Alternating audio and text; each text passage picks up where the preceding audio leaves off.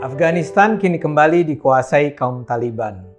Setelah hampir 20 tahun, kaum Islamis ekstrim itu tersingkir dan bersembunyi di daerah-daerah pedalaman. Kini mereka merebut kembali Afghanistan yang tak berdaya karena ditarik keluarnya pasukan keamanan Amerika Serikat dari wilayah penuh konflik itu.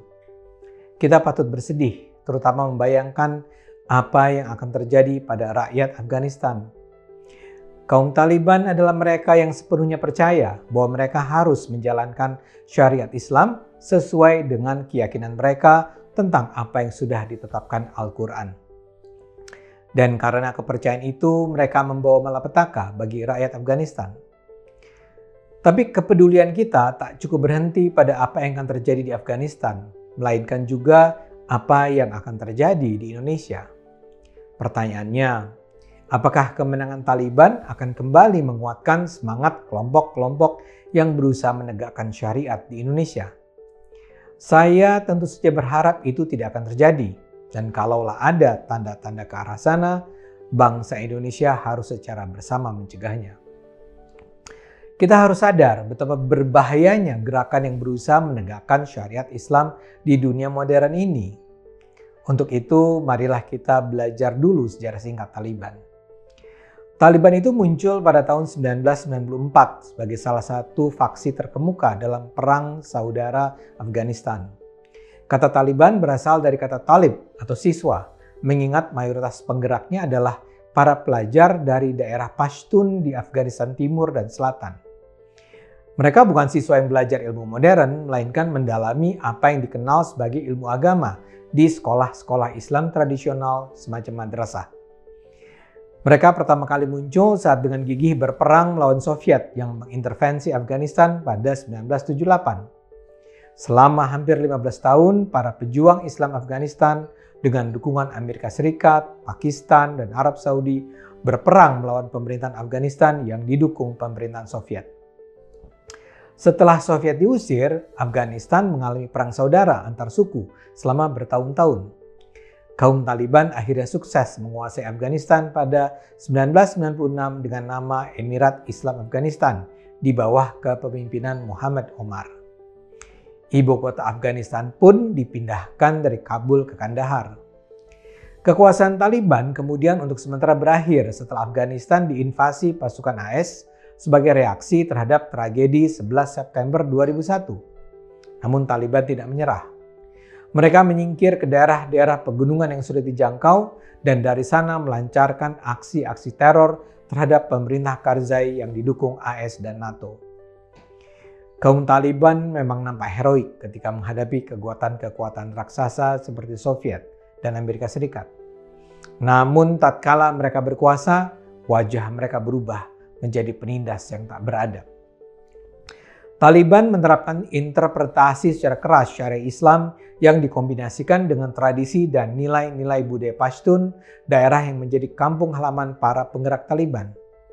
Mereka menganggap semua ayat Al-Quran harus diterapkan sesuai dengan teks yang tertera di dalamnya.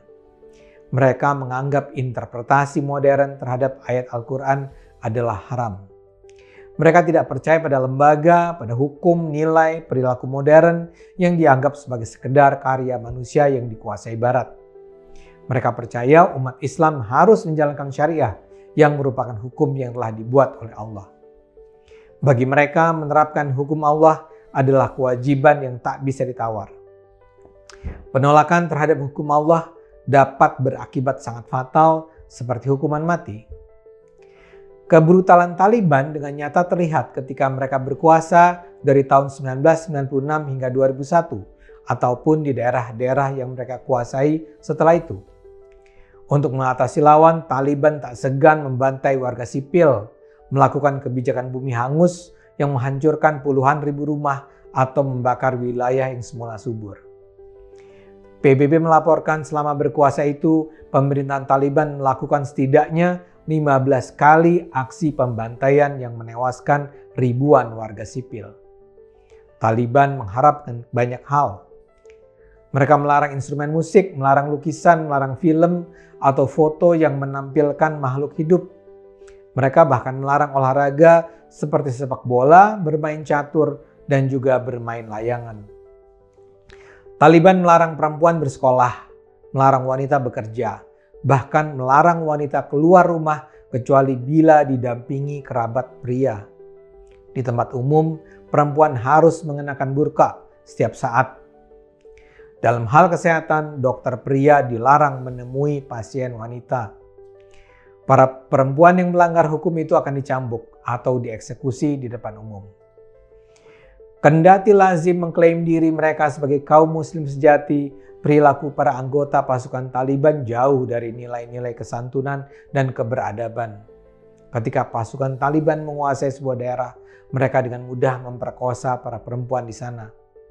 Taliban juga dikenal menggunakan para perempuan yang mereka kuasai untuk dijual sebagai budak seks. Kebencian mereka terhadap Barat juga bisa berakibat fatal. Pemerintahan Taliban di berbagai kesempatan menolak bantuan yang diajukan lembaga-lembaga internasional termasuk dari PBB.